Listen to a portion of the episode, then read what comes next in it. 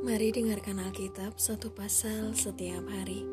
Efesus 6 Taat dan kasih Hai anak-anak, taatilah orang tuamu di dalam Tuhan, karena haruslah demikian. Hormatilah ayahmu dan ibumu. Ini adalah suatu perintah yang penting, seperti yang nyata dari janji ini, supaya kamu berbahagia dan panjang umurmu di bumi.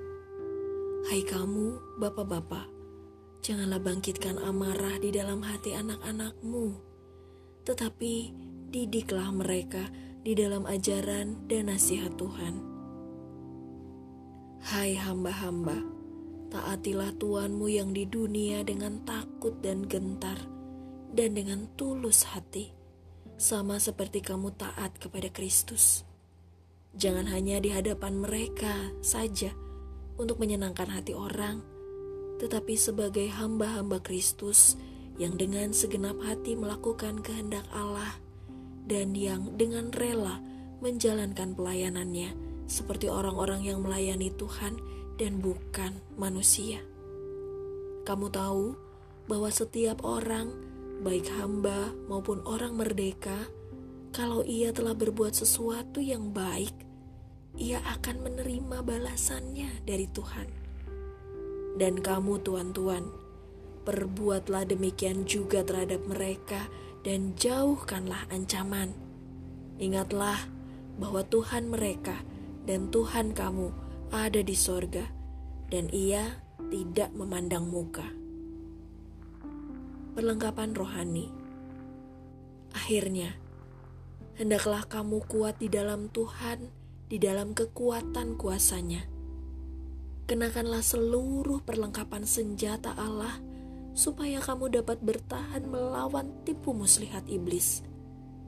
Karena perjuangan kita bukanlah melawan darah dan daging, tetapi melawan pemerintah-pemerintah, melawan penguasa-penguasa, melawan penghulu-penghulu dunia yang gelap ini, melawan roh-roh jahat di udara.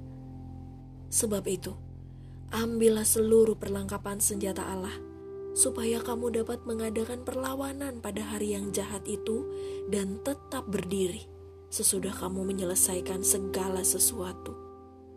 Jadi berdirilah tegap, berikat pinggangkan kebenaran, dan berbaju sirahkan keadilan. Kakimu berkasutkan kerelaan untuk memberitakan Injil damai sejahtera. Dalam segala keadaan, Pergunakanlah perisai iman, sebab dengan perisai itu kamu akan dapat memadamkan semua panah api dari si jahat. Dan terimalah ketopong keselamatan dan pedang roh, yaitu firman Allah.